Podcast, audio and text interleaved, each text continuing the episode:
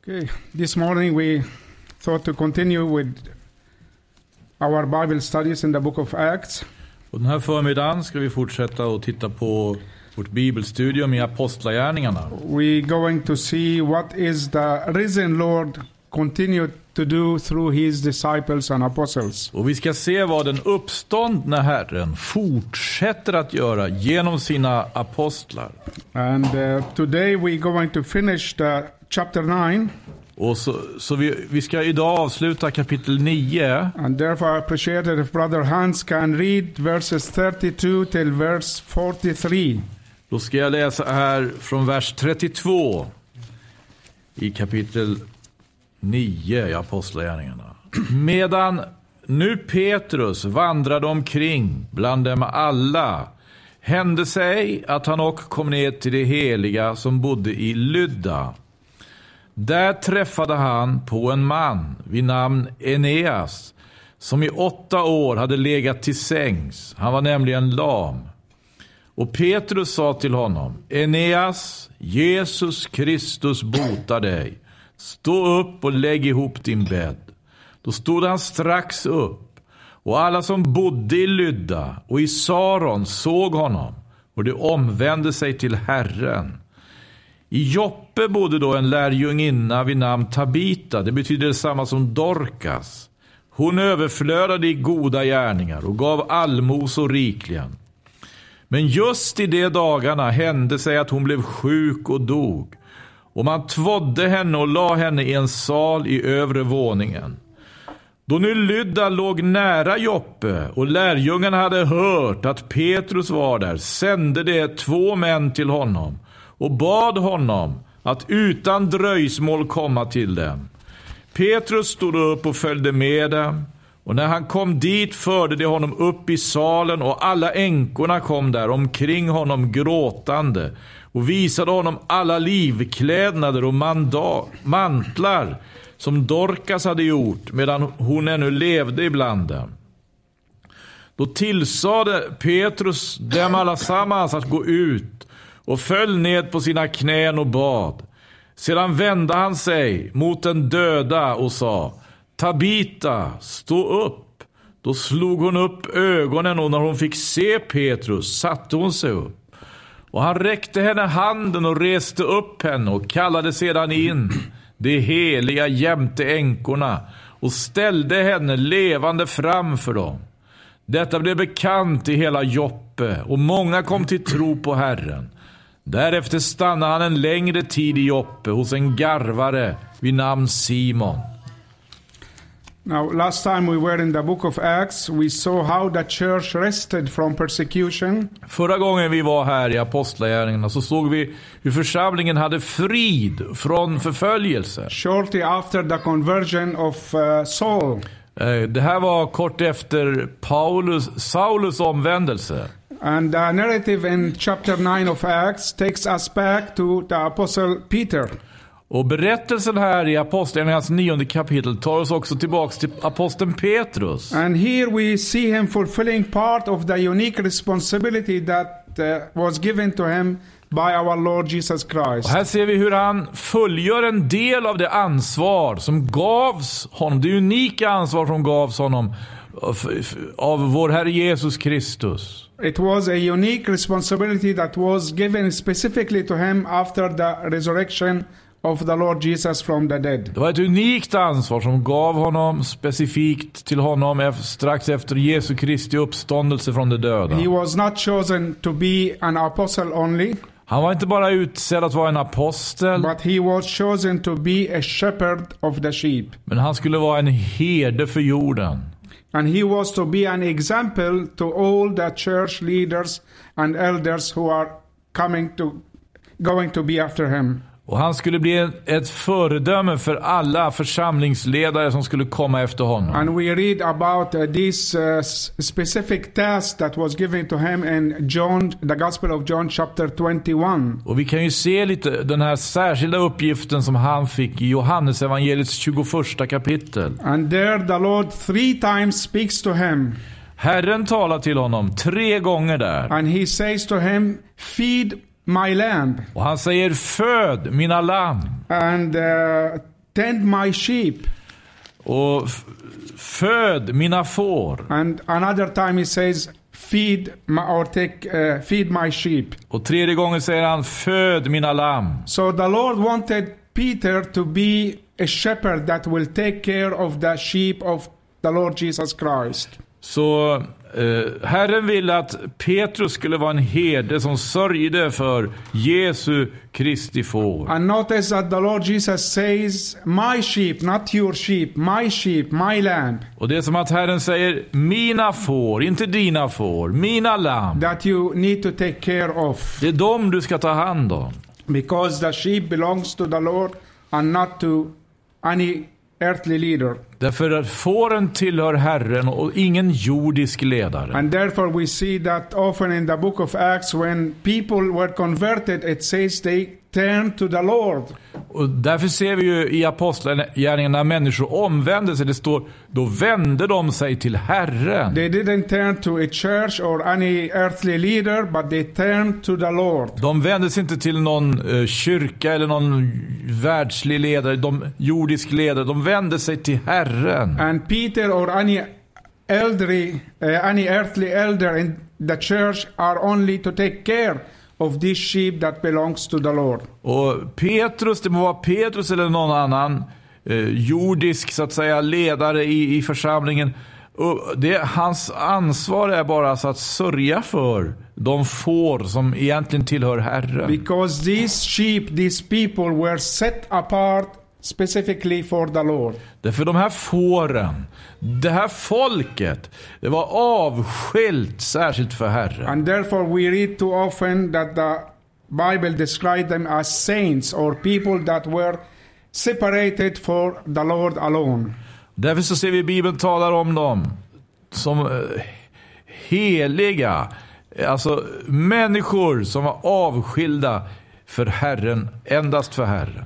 So we read in our text that uh, it came to pass that Peter went through all the parts of the country Och vi kan läsa här att eh, det hände sig då att Petrus gick omkring, han gick genom hela landet. and he also went down to visit the saints in Luda and other places. Och han kom för att besöka de heliga som det står här, i Lydda och på andra platser. So he was doing his duty as a shepherd Han gjorde alltså sin plikt som herde. and he was actually setting an examples to all the shepherds that will come after him. Och han utgjorde så att säga en, ett exempel för alla herdar som skulle följa efter to honom. go and visit the saints, Han skulle gå, han skulle besöka To- de heliga see how they are, och se hur de hade det. to check on their needs spiritually and physically. Och eh, undersöka vad de hade för behov såväl materiellt som andligt. And therefore, it was important for him to have that direct and uh, personal contact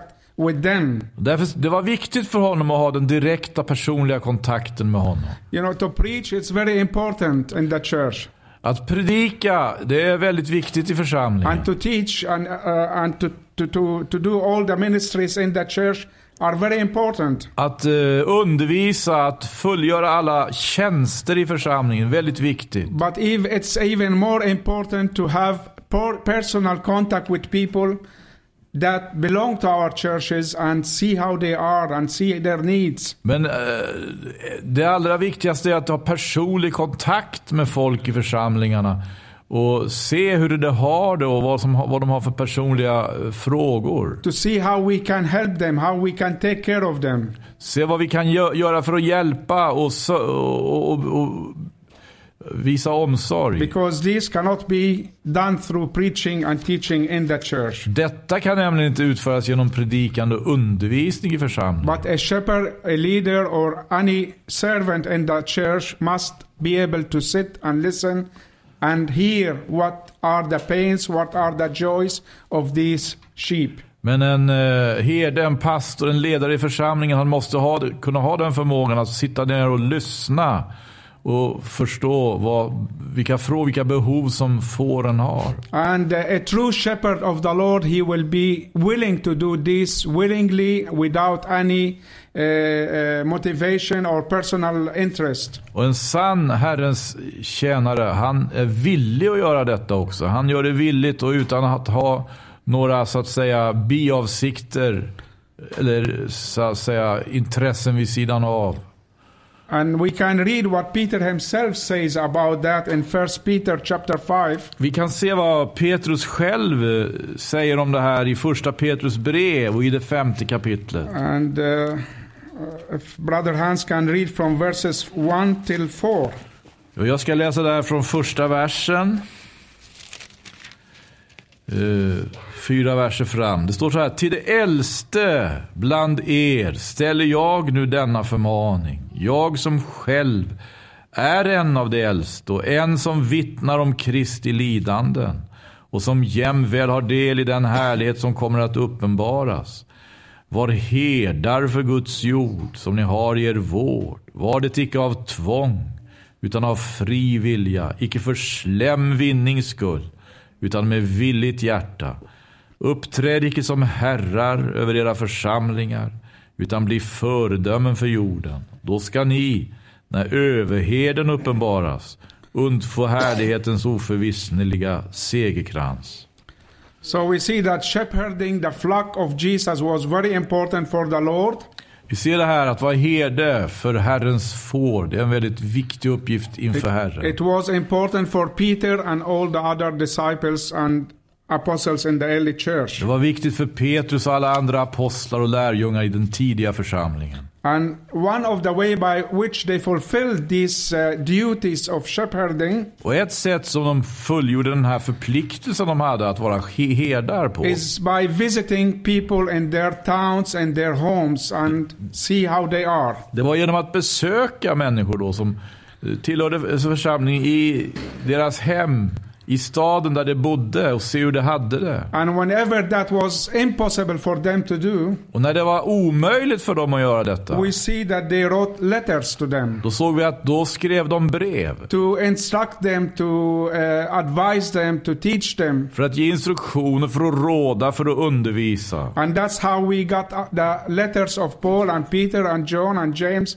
in the New Testament. Och så har vi alltså fått breven från exempelvis Johannes och Jakob och, och, och, och Petrus i Nya Testamentet. There were letters that were written to the saints that they could not see in order to teach and advise and exhort and encourage. Det var alltså så brev som var skrivna till det heliga som de inte kunde möta ansikte mot ansikte då för att råda, för att undervisa, för att instruera. So, and I, therefore, I think the ministry of visitation is one of the ministries that are very much neglected in our churches today. Jag tror alltså att det här, eh, den här uppgiften att göra hembesök, det är en uppgift som tyvärr ofta negligeras i församlingarna idag. Yet we see it as one of the most important ministries in the New Testament. Men vi ser att det är en av de viktigaste uppgifterna i Nya Testamentet. And this is a ministry that all can be involved in it, not only elders and shepherds. Och det här är en uppgift som alla kan ta del i, inte bara äldste och, och, och lärare. I remember that one of the things that left a big impression on my life and uh, my family, in, Det var någonting som gjorde ett stort intryck på mig och min familj. that was when I was a child and uh, a J- Jewish lady who was very devoted believer in the Lord Jesus. Jag var barn och det var en judisk eh, kvinna. Hon var väldigt överlåten, troende åt Herren Jesus Kristus. She lived in our neighborhood and she used to come from time to time to visit my mother. Hon bodde ju i grannskapet och hon kom då och då och hälsade på min mor. And she would talk with her just to see how she is and also to talk with her about the Lord. Och hon samtalade med henne bara för att höra hur det var. Och hon samtalade också med henne om Herren. She had a very uh, meek and humble spirit. Hon hade mycket eh, ödmjuk, eh, saktmodig ande. And too often she would bring uh, uh, with her a cake that she herself baked Och så ofta tog hon med sig någon, någon, något bakverk som hon själv hade gjort. or another time she would bring flowers that she herself picked from her own garden. Hon kunde ta med sig blommor ibland som hon själv hade låtit växa i sin trädgård. And sometimes when she wanted to know how is my mother and she couldn't come she would send her elder son to bring a cake or flower for her and see how she is. Och ibland när hon inte själv kunde komma så kunde hon sända sin äldste son för att ta med sig ett sånt här bakverk eller en blomma och hälsa på. And she did it because really she felt, you know, that the Lord is uh, putting on her heart to visit my mother and other neighbors. Och hon gjorde ju detta därför att hon upplevde ju det att Herren hade verkligen lagt det på hennes hjärta att besöka hennes mor och andra grannar. And that made a very great impression on many people, including my family. Alltså Dakvars mor och andra grannar. Och det gjorde ett väldigt stort intryck på hela min familj. And therefore, I was very glad that I came to know the Lord befish- before she went to be with the Lord.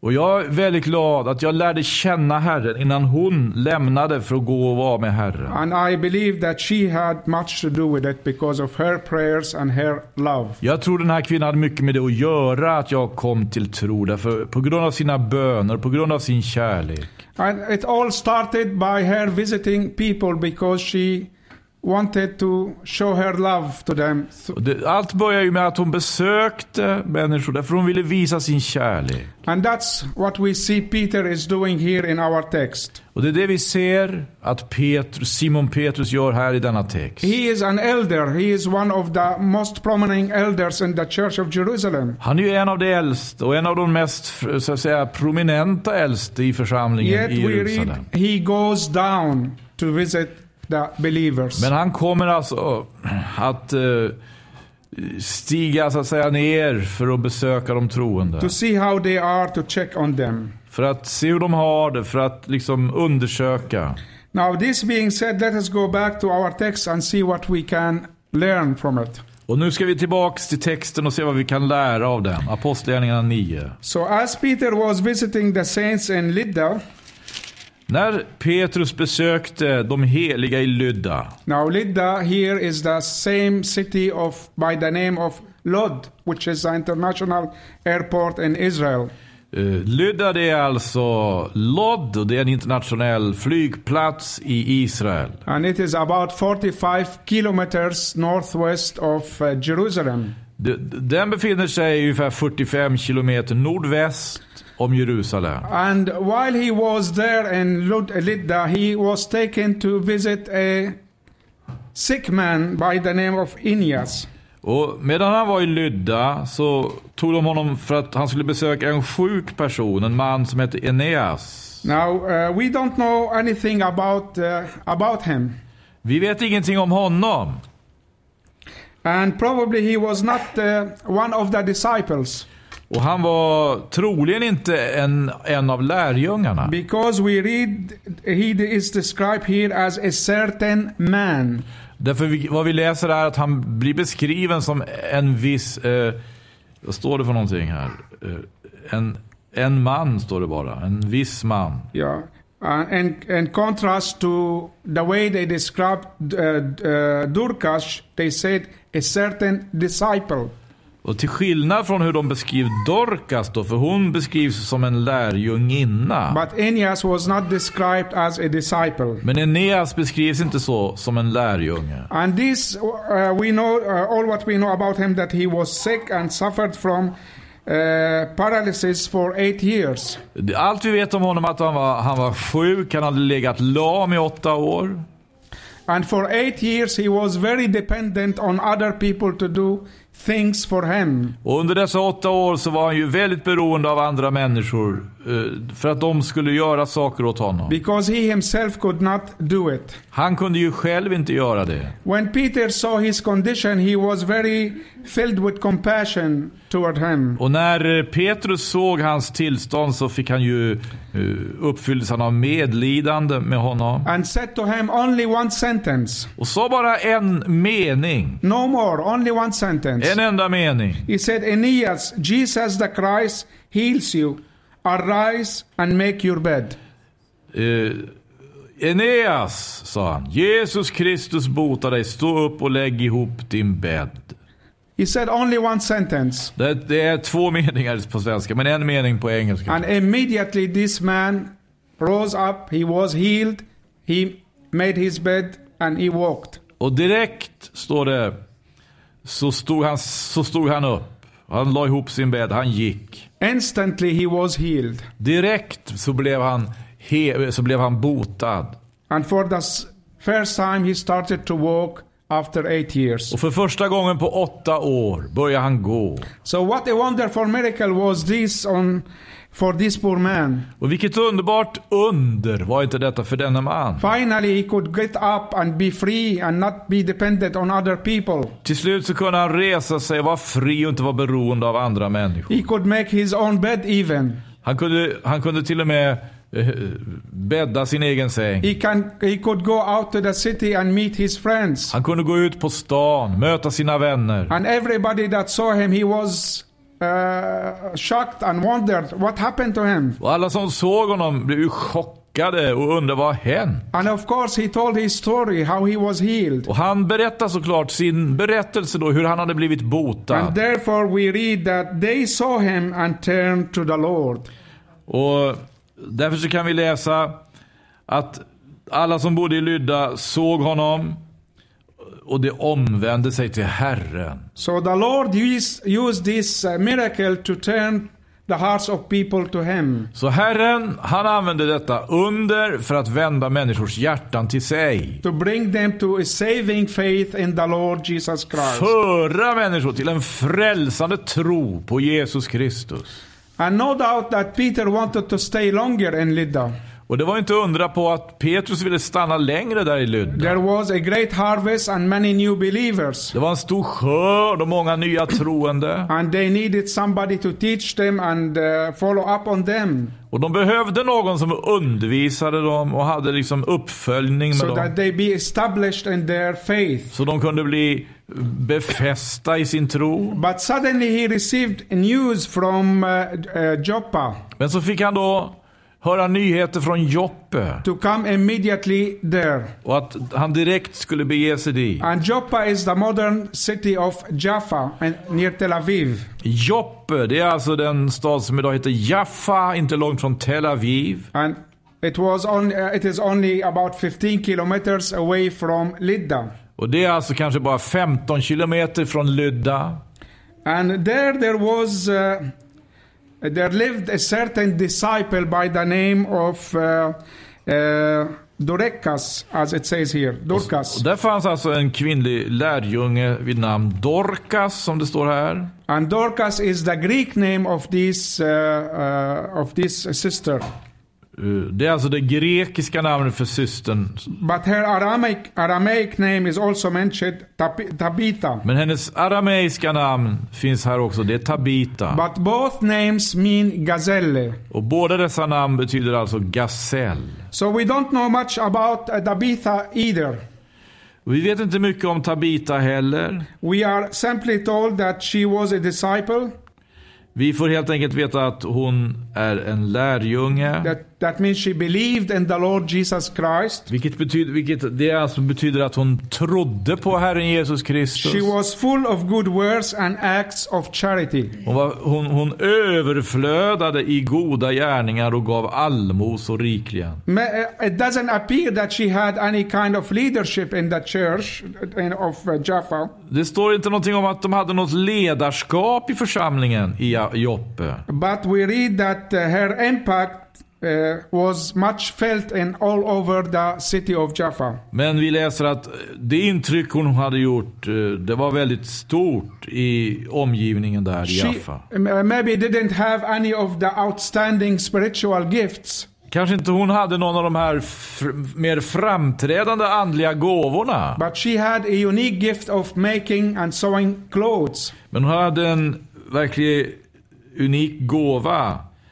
Att, eh, s- att göra, att tillverka klä, livkläder. So she made clothes and distributed them to the needy, especially to the widows in her town. Så hon gjorde kläder och delade ut bland de som behövde. I sin stad särskilt. And this was greatly appreciated by the people in the city. Och det här uppskattades storligen av folket i staden. And thi- this uh, can be seen from the way they mourned for her in uh, verse 39, as we read in verse 39. Och det här visar ju sig på det sättet att mm, vi- hur de sörjde henne då i vers 39. So she was not a disciple by words only, Hon var alltså inte en lärjunge bara i fråga om ord. but she also showed her faith by her deeds. Men hon visade också sin tro genom sina gärningar. She showed her love in a very practical way, Och visade sin kärlek på ett praktiskt sätt. and that left a great impact on those people that she helped. Och det gjorde ett stort intryck på de människor som hon hjälpte. And therefore, her death was a tremendous loss to the church of Jaffa. Och därför så var hennes död det var en förfärlig förlust för församlingen i Ja- Joppe. especially to the people that she used to help, to the widows. Särskilt de människor som hon brukar hjälpa och änkorna. And we can really take an example of Tabitha, you know, how we can not only speak but al- also do. Vi kan for verkligen people. ta henne som en förebild för oss. Hur vi inte bara bör tala utan även handla. Not only to say we have faith, but to show our faith by our deeds, as James tells us in his letter. Inte bara säga att vi har tro, utan låta vår tro visa sig i våra gärningar som Jakob skriver i sitt brev. So when she was sick and fell uh, asleep, she died. Så när hon blev sjuk och dog And the disciples heard that uh, Peter was in Lydda, the next uh, uh, door town. och lärjungarna där hörde att Petrus befann sig i närheten, i Lydda då. So they immediately sent for him, asking him to come to see uh, Dur- Dorcas. Då sände de bud efter honom och bad honom komma och eh, hälsa på här och s- se denna dag. So when he came, he went uh, up to the upper room where the body was laid, Och han kom, han gick upp till, eh, till den sal där kroppen låg. and uh, there the body was laying prepared for the pu- funeral and burial- burials. Där låg hennes kropp och var förberedd för begravning. And it is interesting to see the similarity here between the what Peter did here and what Jesus did in another similar miracle in the Gospel of Mark. Och det är intressant att se likheterna här mellan vad Petrus gör och vad Jesus gjorde tidigare i ett liknande tillfälle i Markus evangeliet. And we see clearly that Peter was trying to follow the example of Jesus in dealing with sick people and dead people. Och vi ser att Jesus, han, han strävar ju efter att verkligen följa Jesus i sättet att ta eh, sjuka människor och döda. In Mark chapter 5, we read a similar, almost a similar story. I Markus, det femte kapitlet, kan vi läsa en helt liknande berättelse. Jesus was teaching when suddenly he received a news to come immediately because a certain girl died. Jesus var ju verksam med att undervisa och han fick plötsligt då ett bud att han måste komma på en gång för en flicka låg för döden. Or more exact, because she was dying. Hon var döende. Uh, and by the time Jesus uh, got there, she died.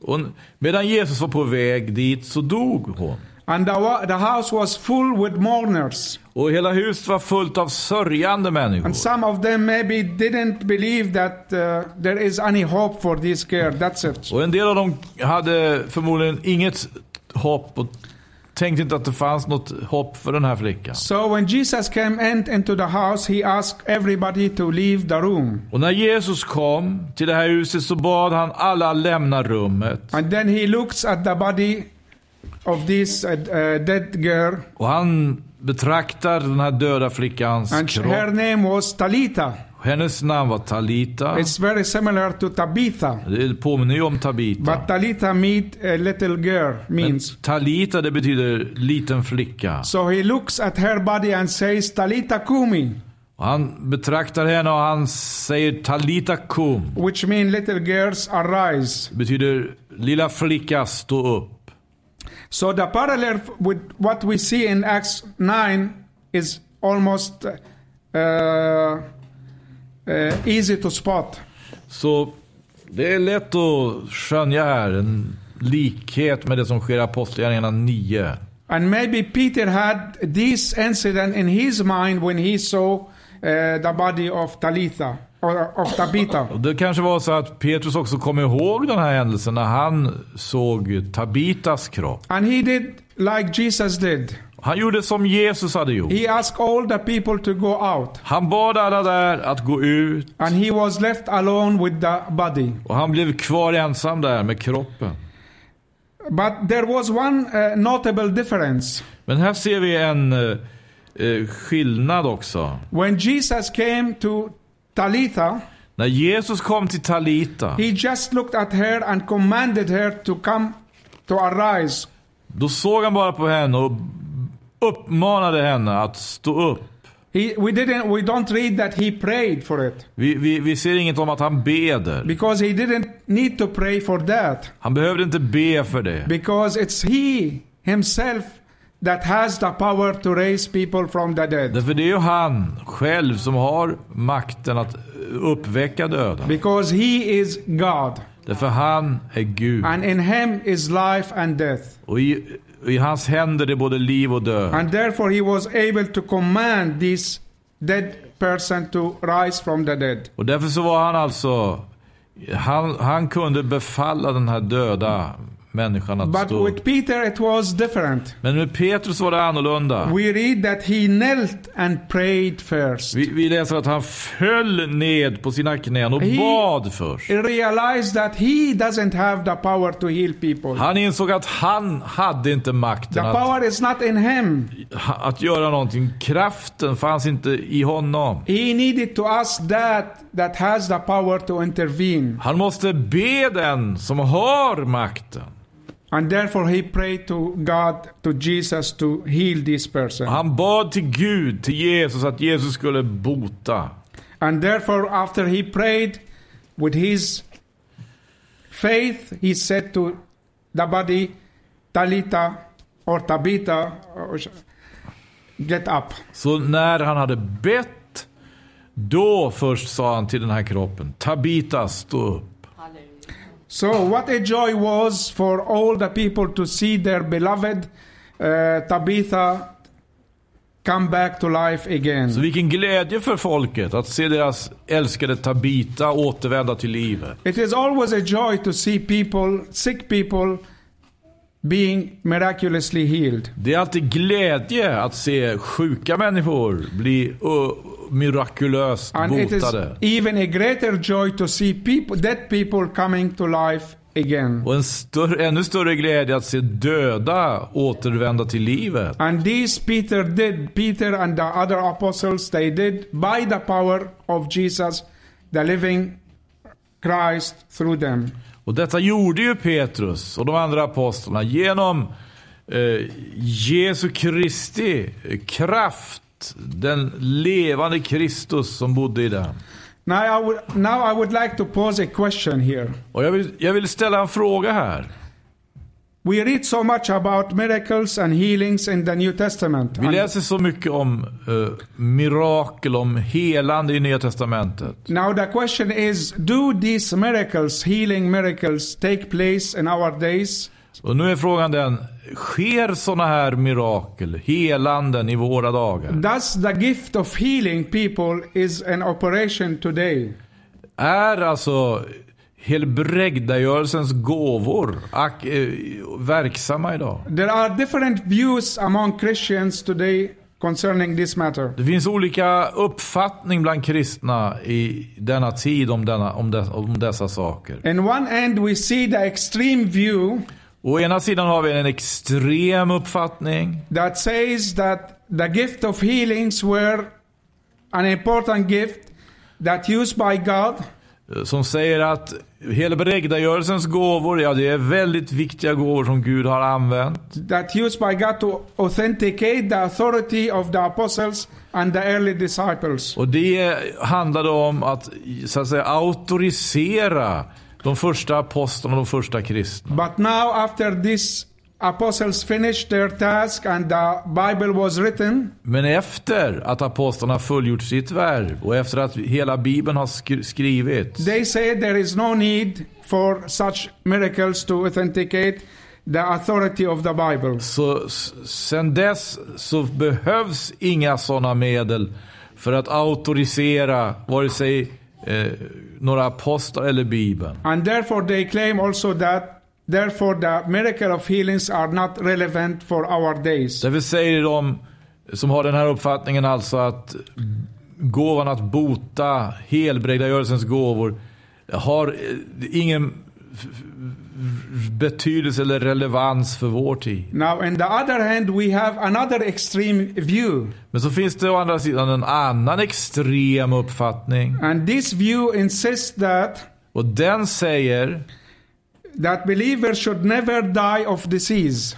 att troende aldrig någonsin skulle behöva dö på grund av sjukdom. They say that it is the plan of God that no believer should ever be sick. Det är Guds plan säger man då att inte någon enda skulle behöva bli sjuk. It is not God's will that we be uh, uh, we be sick and not be healed. Det är inte Guds vilja att vi skulle bli sjuka och aldrig bli botade. And they say, therefore, that the only thing that stand between uh, our healings and uh, uh, is uh, our own faith only. Så de säger då att det enda som så att säga står mellan oss och det helande vi vill ha, det är vår tro. So if we have faith, then we can be healed, no doubt. Har vi tro, då kan vi tvivelsutan bli helade. So this is the other extreme. We have the two extremes now. Det finns två extremer.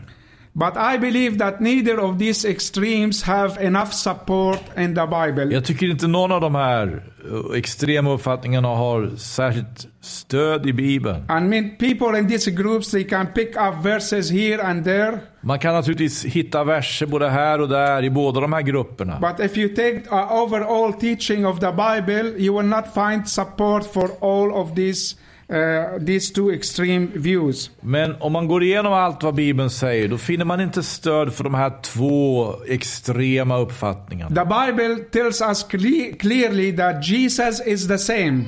I- Bibeln säger tydligt att Jesus är densamme. He is the same yesterday, today, and forever. Han är densamme igår, idag, så och i evighet. And therefore, whatever he did yesterday, he can do today, and he will do tomorrow. Därför allt vad han gjorde igår, det kan han göra idag och även imorgon. Nothing can hinder uh, him from doing what he wants to do. Ingenting kan hindra honom att göra vad han vill göra. And also 1 Corinthians 12 Och k- första Korintierbrevets tolfte kapitel. teach us that also s- God has given the gifts of healing to some people. Där står det att Gud har ju givit helbrägdagörelsens gåvor åt somliga. Now notice at least in the King James I read uh, it says it is the gifts in plural form gifts of healings. I King James är det som i s- 1917, det är pluralform här. It is not Gåvor. the gift of healing but gifts of Inte healing. helbrägdagörelsens gåva, utan helbrägdagörelsens gåvor. And that means there are different ways of healing people. Det finns alltså olika sätt att hela människor. It can be in a miraculous way Det kan ske på ett mirakulöst sätt. or by a way that God uses uh, professional people, medical doctors Eller på ett to annat heal. sätt, kanske s- genom att Gud använder professionella l- människor, läkare. And we know that in the apostle of James, Och vi vet att eh, aposteln James, Jakob, he writes in his verse in his uh, letter chapter 5 han skriver ju i sitt brev i det femte kapitlet. that if anybody is sick among you, call the elders of the church to pray for him. Om någon av er är sjuk så ska han tillkalla församlingens äldste och dessa må To, bedja to för anoint honom. him with oil Och i Herrens namn smörja honom and med pray olja for him. och bedja för. So therefore, God has given us some means by which we can, uh, uh, through which we can look for healing. Så därför har Gud har givit oss några medel så att säga genom vilka vi kan söka helande. And throughout the church history, Och genom hela församlingens there historia are many testimonies of people who were sick and was were healed So by finns the det- power of God. Många vittnesbörd från människor som varit sjuka och blivit botade av Gud. Even among us today, there are people that were sick and but they were healed miraculously by the power of God. Så även bland oss har vi, har vi mött människor som varit sjuka men blivit mirakulöst helbrägda gjorda av Gud. So God's still doing miracles Gud gör fortfarande under. and he still heal people Han helar, han botar fortfarande and he människor. does it in some ways that sometimes amazes us. Och han gör det på sådant sätt ibland att det förund- gör oss förundrade. And all what he does is very genuine Och allt han gör är väldigt and genuint. very real Och väldigt and verkligt. very lasting. Och väldigt och förblivande. Uh, now, I'm purposely uh, emphasizing here the word genuine Eh, Oavsiktligt så kommer jag nu att f- f- betona det här med genuin. for all that comes from God is very genuine. Allt som kommer från Gud är nämligen väldigt genuin. And those healings that are happening by the power of God are very genuine. Och det helbrägdagörelse som sker av Guds kraft är Men- väldigt genuina. But unfortunately, in our modern church, Men tyvärr i den moderna eh, kyrkan there are much false, many false gifts or counterfeits. så finns det ju många så att säga falska eh, g- och så här gåvor eller eh, kontragåvor kan vi säga. The church of our days are is full with false teachers and false prophets. Det finns f- i kristenheten fullt av falska lärare och falska profeter. And there are many, many so-called faith healers. Och det finns ju väldigt många så kallade eh, som eh, predikar tros, eh, he, he, helbrägdagörelse genom tro. I personally haven't seen or heard of anyone that has a genuine gift of healing. Jag har personligen inte eh, hört talas om någon som har en genuin gåva. I've has I've seen and uh, heard about many so-called faith healers that they claim to do miracles, Jag har hört däremot ta- talas om väldigt många sådana så kallade faith healers. Som gör anspråk på att göra, kunna göra mirakel. but when you look deeply into what they are doing and into their lives, you will see they are fake. Men när man ser närmare efter i deras eh, gärning och i deras liv så ser man att det här är bara... eh, Det här är, det här är, det här är inte äkta. They don't have that genuine gift of the of healing. Det finns, ingen, det finns inga genuina helbrägdagörelsens gåvor. And uh, I hope you, you you know that there are people who can do uh, false uh, miracles. Jag tror... eh, Jag hoppas ni är klara över det att det finns alltså människor som kan utföra falska mirakel. Not it doesn't mean that if a person can make miracles that he is from God. Det- Att en människa kan göra eh, så att säga, mirakel betyder ju inte att han kommer från Gud. And if you don't believe me, read uh, Matthew chapter 7. Och om du inte tror det så läs Matteus evangeliets sjunde kapitel. There, the Lord Jesus clearly says, Not everyone that will come to me saying, Lord, Lord, in your name we have done miracles and healed people.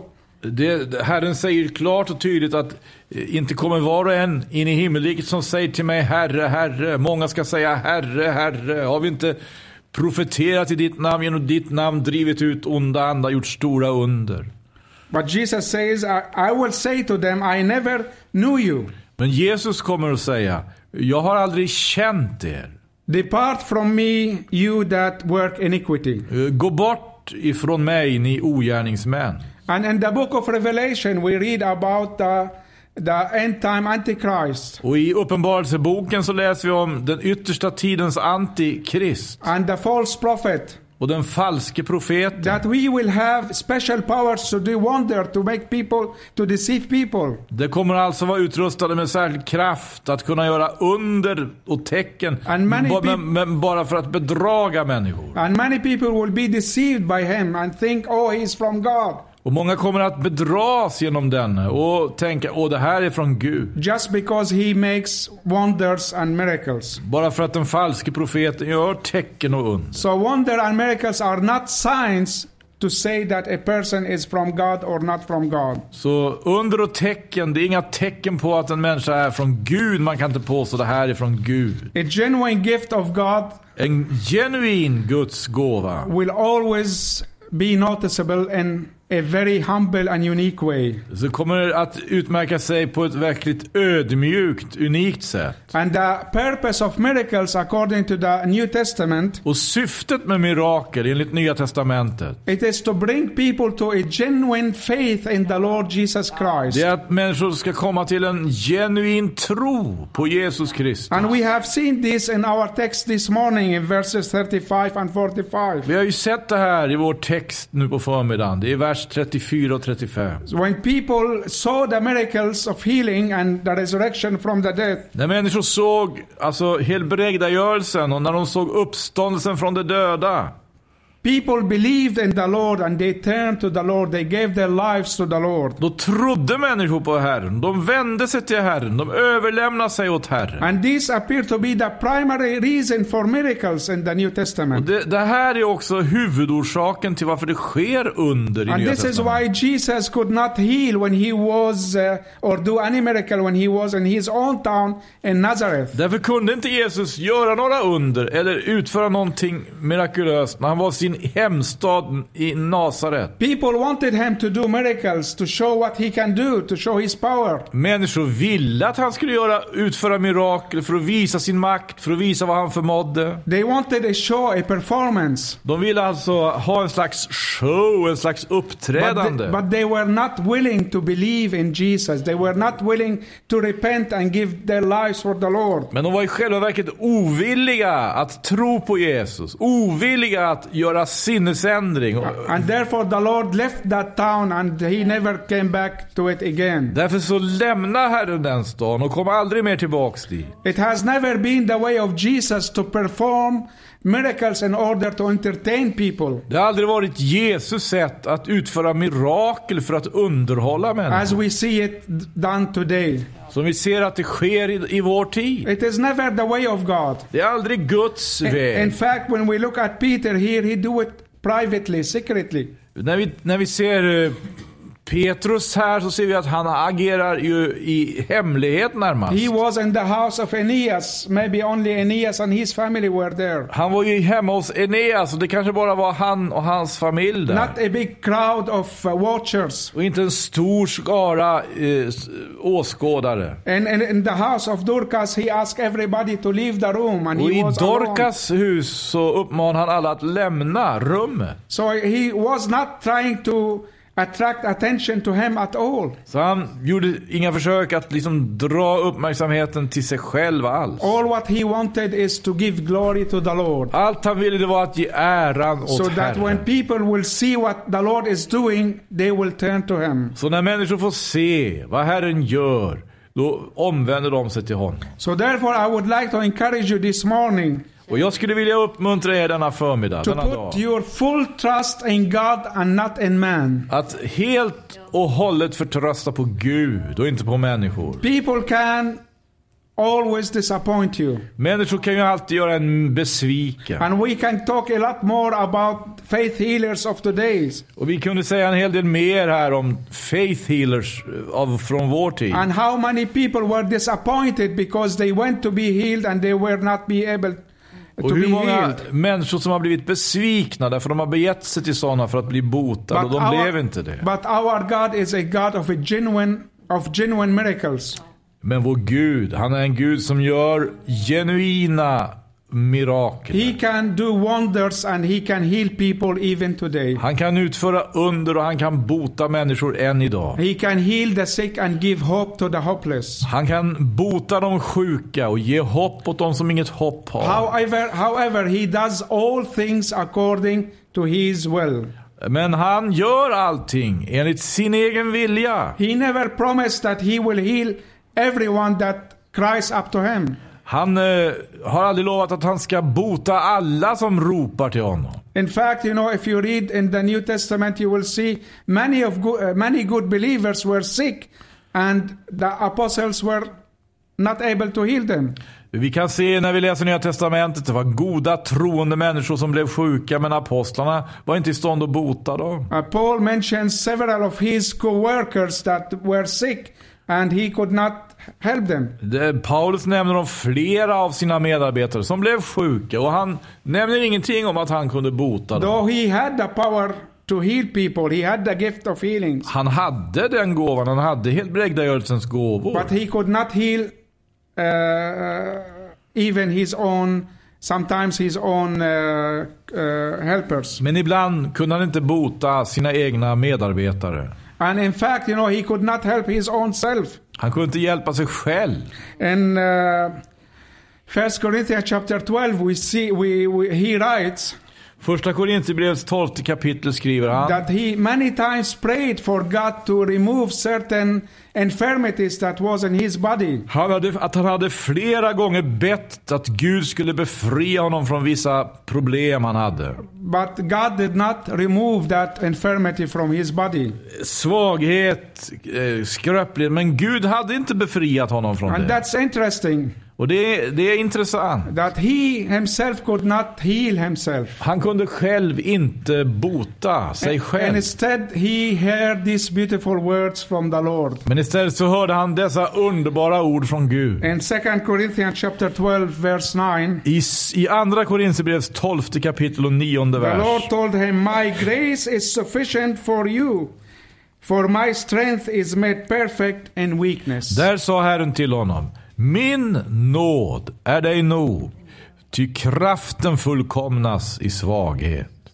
so it was not important whether he was healed or not. Det, det, det- det, det var inte viktigt vad- om han nu blev botad eller ej. God wanted to use him as he is, Ha, Gud ville ju använda honom sådan Så- Mm. han är. that he will never have glory in himself, Så att han aldrig skulle på något sätt ta äran that själv. he will never boast in himself, Aldrig berömma sig. but he will know always that despite his weakness, God is working through him. Men att alltid veta att trots hans svaghet så Gud är verksam genom honom. Beside, we know that any healing in this life is only temporary. Och vi vet ju det att vad vi än möter för exempel på helande i, denna, i detta livet så är det bara tillfälligt. Both Tabitha and Durakas, they were healed, Både eh, T- Talita och Dorcas blev eh, botade. but they were, but they died again. Men så småningom dog de igen. But their gain was that they knew the Lord Jesus, Men det de hade vunnit det var ju det att de lärde känna Herren and Jesus. therefore they actually did not die, but received eternal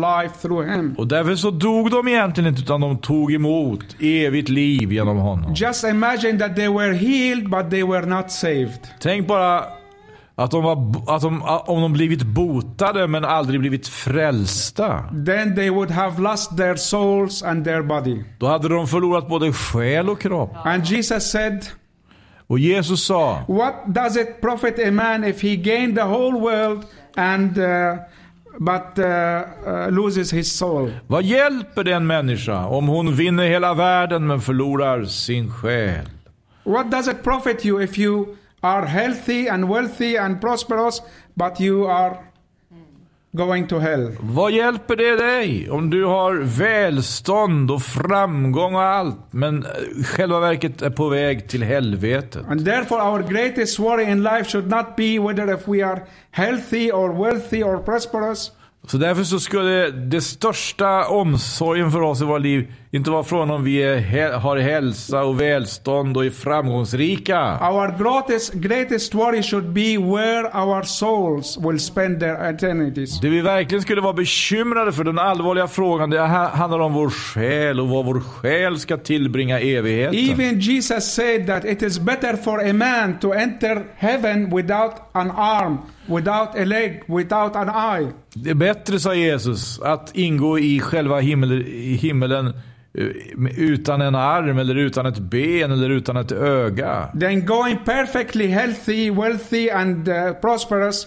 to hell. Än att helt helbrägda och väl eh, och framgångsrik komma till helvetet. And therefore, it is so important for us to worry first where shall we spend our Det är eternities. viktigt därför för oss. Först och främst ställa frågan, var ska vi tillbringa evigheten? And this eternal, res- uh, eternal life is guaranteed to us through the death and the resurrection of our Lord Det Jesus. finns en garanti om evigt liv genom Jesu Kristi död och uppståndelse. For all that those that turn to him and believe in Det him. gäller för alla dem som omvänder sig till honom och tror på honom.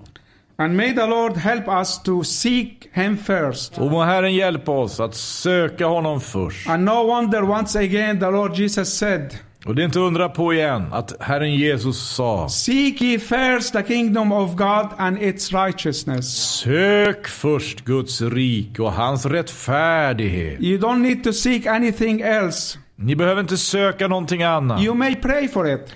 Ni kan bedja om, If you receive it, well, praise the Lord. om, om vad ni vill. Om ni ta- får det ni ber om så pris ske Gud. If you don't receive it, still be glad Men om ni inte får så var ändå glad. because your soul is saved in the Lord Jesus. Var ändå glada därför att er f- själ är frälsta.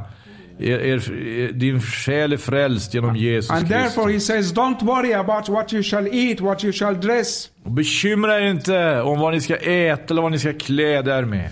Don't worry if you get healed or not. Och bekymra er inte om ni blir botade eller inte. But seek ye first the kingdom of God and its Men righteousness. sök först Guds rik och hans And rättfärdighet. then all these things shall be added Så unto you. skall detta andra tillfalla er. This is what she, we should worry about. Det er, är vad first. vi skulle bekymra oss om. And we thank the Lord that He can do more than what we ask or we think of. Och vi tackar Gud att han kan göra mer än vad vi kan vare sig bedja eller tänka. If we only leave the choice to Him Om vi bara överlämnar valet åt honom and say, Your will, Lord, be done in my life, och not my säger will. Ske din vilja. Ja, Jesus, jag vet. Let's pray together. Låt oss bedja tillsammans.